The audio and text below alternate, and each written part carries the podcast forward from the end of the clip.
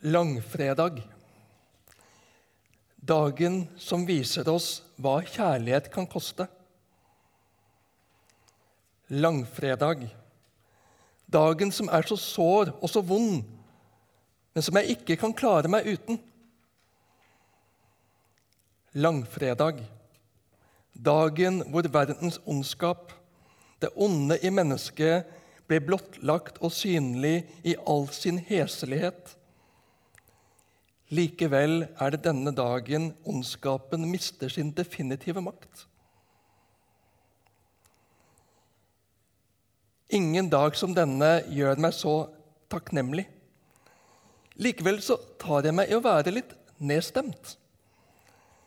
Det er vondt å se at min Herre og Mester, min Gud og min bror er offer for en slik bestialitet.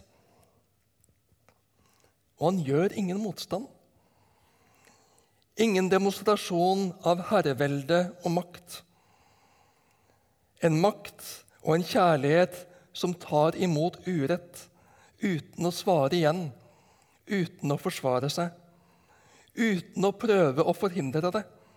Han bare tar imot, tar på seg det som egentlig skulle rammet meg. Jesus tar imot spotten som han ikke fortjener, men som skyldes deres manglende evne og vilje til å se ham som den han er. Det stemte ikke med deres egne tanker og tradisjoner, og de valgte å holde seg til dem framfor å bøye seg for Guds tanker og Guds ord piskeslag som ikke bare sprekker opp huden til han blør, men som gir dype, utholdelige kjøttsår. Naglene, de kraftige spikrene, tvers gjennom hender og føtter, og han henges opp etter disse, så tyngdekraften gjør smerten i sårene ekstreme. Samtidig som når han siger nedover, vil kveles, for det blir vanskelig å puste. Å heise seg opp for å få luft gir en ubeskrivelig smerte i både hender og føtter. Den offentlige uthengingen. Varme om dagen, kulde om natten. Korsfestelse var en på alle måter grusom tortur og henrettelsesmetode. Jesus tar imot det alt sammen. Han kunne ha gjort motstand. Han kunne ha revet seg løs. Han kunne ha demonstrert sin suverenitet, sin makt, sitt herredømme. At han er Guds sønn, at han er Messias, slik som de utfordret ham på. Da ville de sett. Da ville de skjønt. Da ville de ha blitt satt skikkelig på plass. Da skulle han fått oppreisning. Men da hadde det ikke blitt til frelse og nytt liv for deg og meg. Etter påskemåltidet, hvor Jesus har gitt dem den nye pakts dybde og sakrament, nattvern, leder han flokken ut på veien mot Oljeberget som han pleide. Selv om Jesus vet at Judas har gått for å hente soldatene til de religiøse lederne for å ta ham til fange, bryter han ikke med vannene. Han tar ikke en omvei for å unngå Judas. Jesus trenger å be alene, samtidig som det er vanskelig å være alene nå. Redsel og angst river og sliter i Jesus. Han må slite seg fra dem om så bare et steinkast. Han trenger å søke Far alene. Før han sliter seg fra dem, sier han, Be om at dere ikke må komme i fristelse. Det er som et ekko fra bønnen han har lært dem. Hva slags fristelse er det han tenker på? Er det fristelse til væpnet motstand? Til vold og vondskap? Er det fristelse til flukt, skam og splittelse? At djevelen skal lykkes med å ødelegge brorskapet som Jesus har bygd opp gjennom tre år? nå som det virkelig skal regne på. Kneling er ikke en vanlig bønneform i jødedommen. De er vant med å stå, men Lukas skriver at Jesus falt på kne. Matteus og Markus bruker kraftigere ord. De skriver at han falt ned med ansiktet til bakken. Her er det sterke følelser i sving. Samtidig som Lukas er opptatt av å vise Jesu bevissthet på å fullføre Guds hensikt, også når han ber, Far, om du vil, så ta dette begeret fra meg. Jesu oppgave er å bære og tømme Guds vredesbeger. Det er ikke spotten han er redd for. Det er ikke smertene under piskeslagene, selv om den var grusom. Det var ikke de uutholdelige pinslene under nagler og korsfestelse Jesus ber dem en utvei fra, men fra Guds vredes beger. Det å bli rammet av Guds vrede, Guds hellige, rettferdige vrede over all synd og urett og ondskap i verden.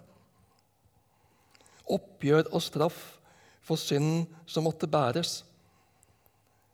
Begeret er Guds vrede som Jesus måtte drikke fordi han bar alle menneskers synd. Den rettferdige konsekvens av all verdens synd. Men la ikke min vilje skje, men din. Guds svar på Jesu bønn gikk ikke ut på at han lot sin sønn slippe lidelse. Men Gud ga Jesus englehjelp til å møte det som måtte komme. Noen ganger svarer Gud på våre bønner med å fjerne prøvelser. Andre ganger svarer han ved å styrke oss midt i prøvelsene. Dødsangsten tar Jesus like fullt. Svetten falt som bloddråper ned på jorden. Dette er et kjent, men sjeldent fenomen som kalles hematidrosis. Det kan forekomme når et menneske er satt under et enormt press. Svetten falt som bloddråper ned på bakken.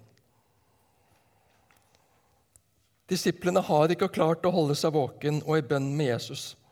Han ble stående alene i kampen og angsten. Mens Jesus snakket med dem, kommer Judas med overpresten og offiserene ved tempelvakten og de eldste. Jesus har undervist på tempelplassen på høylys dag, men da våget de ikke å ta Jesus til fange av frykt for folket. Men nattestid kjøper de en pengekjær disippel som ikke skjønner hva han gjør, til å forråde Jesus med et kyss. Tegnet på dyp respekt og dypt vennskap ble tegnet på dypt svik. Disiplene vil forsvare Jesus, og en, Johannes skriver at Peter griper til sverd før Jesus rekker å svare og hogger øret av øversteprestens tjener.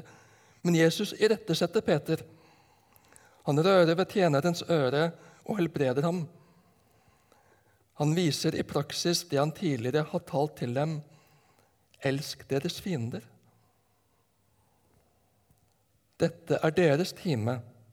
Nå er det mørket som har makten, ser Jesus. Jesus var tilbudt makt fra Satan. Om Jesus ville falle ned for ham, leser vi i starten av evangeliet. Jesus lot Satan få utøve sin makt en tid, men nå er vendepunktet nært forestående. Han skal ikke bøye seg for Satan.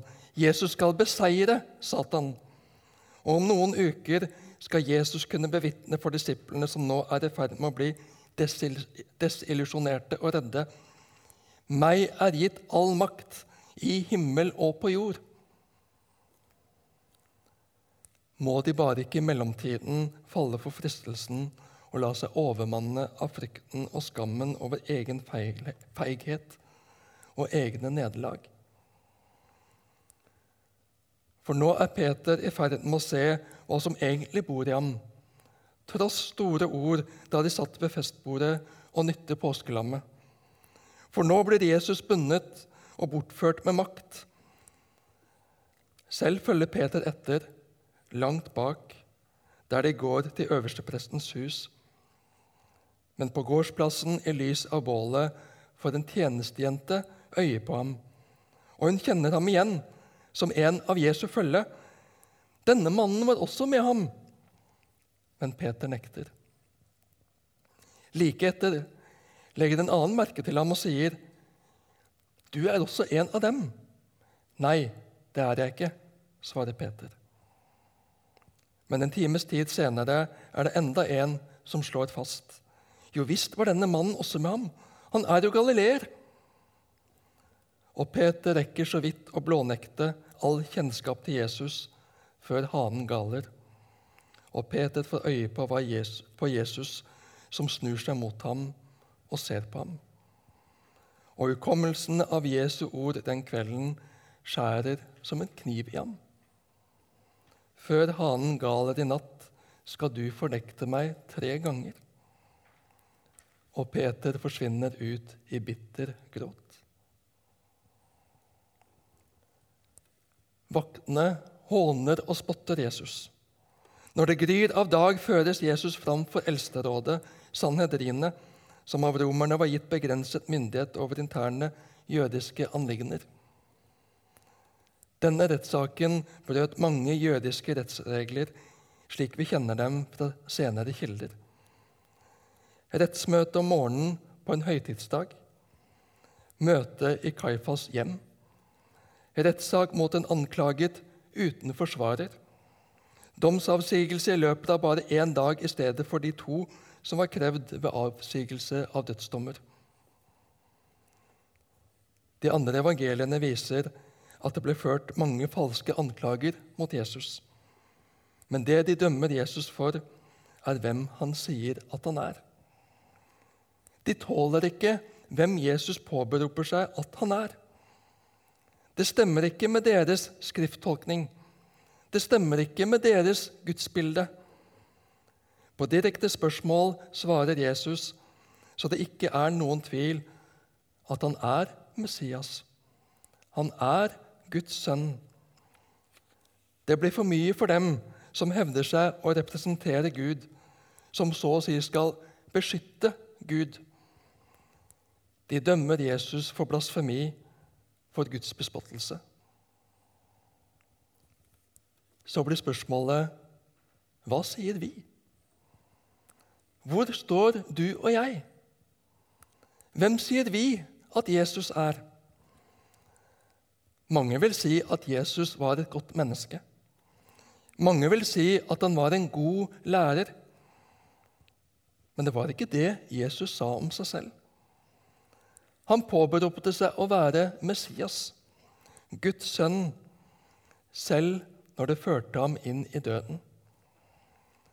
Han bekjente seg å være den lovende Messias som skal fri folket, ikke først og fremst fra politisk undertrykkelse og makt, men fra syndens undertrykkende og bindende makt i oss, og som stenger oss borte fra fellesskap med Gud i evighet, om ingen frelser oss fra den.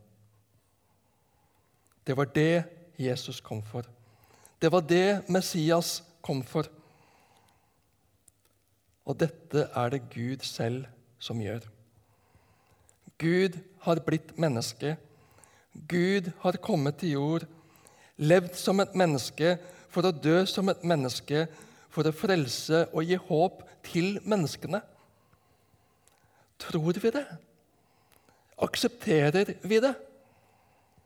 Både at han er den han sier han er, og at vi er i behov for en slik frelser.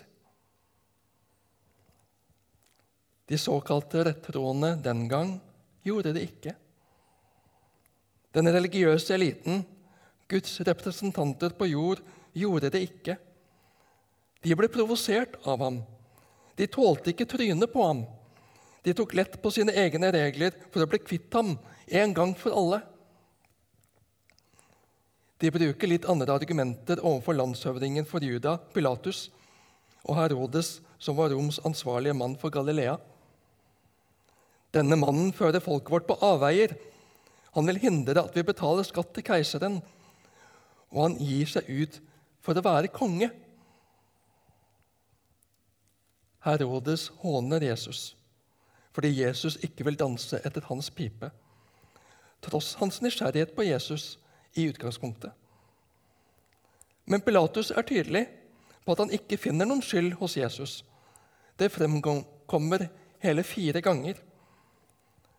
Men han går med på å dømme Jesus til pisking, trolig for å statuere et eksempel, for så å slippe Jesus fri. Og Pilatus han vil bruke tradisjonen. Roms raushet med å slippe fri en av de jødiske fangene til påske, og slik slippe Jesus fri. Men de religiøse lederne har bestemt seg. Bort med ham! Gi oss Barabas fri! Pilatus prøver igjen å frigi Jesus, men de roper bare 'Korsfest! Korsfest ham!' Til slutt resignerer Pilatus, kanskje av frykt for opprør, og dømmer Jesus til korsfestelse mot sin egen overbevisning. Hans menneskefrykt gjorde Pilatus medskyldig i konspirasjonen mot Jesus. Korsfestelse var den mest smertefulle og nedverdigende form for dødsstraff i Romerriket. Så fryktelig at den blant romerne bare ble brukt på slaver, folk fra provinsene under deres kontroll eller på de verste kriminelle. Den kunne ikke brukes på en romersk borger. Den dødsdomte ble gjerne først pisket med en svøpe av lærreimer med metall og beinstykker festet til. Piskingen svekket offeret i betydelig grad før den dødsdomte så selv måtte bære tverrbjelken av korset til retterstedet. Et skilt med opplysninger om forbrytelsen ble ofte hengt rundt halsen på den dømte eller på selve korset. Personen ble avkledd, lagt på jorden med tverrbjelken under skuldrene og bundet eller naglet til den. Naglingen fikk offeret til å dø raskere, slik det skjedde med Jesus som de jødiske embetsmennene ønsket død før sabbaten. Tverrbjelken ble løftet opp og satt fast på en påle, slik at den korsfestedes føtter hang et lite stykke over bakken. Føttene kunne også bli naglet eller bundet fast til pålen. Jesus, Messias, Guds sønn, den eneste syndfrie på jord, blir korsfestet mellom to tungt kriminelle. Jesus som har forkynt at en skal elske sine fiender og tilgi, ikke bare sju ganger, men 70 ganger sju. Han ber, Far, tilgi dem, for de vet ikke hva de gjør. Og Lukas tar med detaljen om soldatene og klærne til Jesus og viser at her oppfylles Salme 22, vers 18. De deler klærne mine mellom seg og kaster lodd om kappen. Guds profeti oppfylles også i denne detaljen. Se, nå skjer det som er sagt om Messias at skal skje. Folket står og ser på at rådsherrene håner og spotter Jesus. La ham nå frelse seg selv dersom han er Guds Messias. Og soldatene likeså. Er du jødenes konge, så frels deg selv. Til og med den ene forbryteren på korset ved siden av Jesus spotter. Er ikke du Messias? Frels da deg selv og oss. Men den andre røveren er helt annerledes. Frykter du ikke Gud, enda du har samme dom over deg? Vi får som fortjent, men han har ikke gjort noe galt.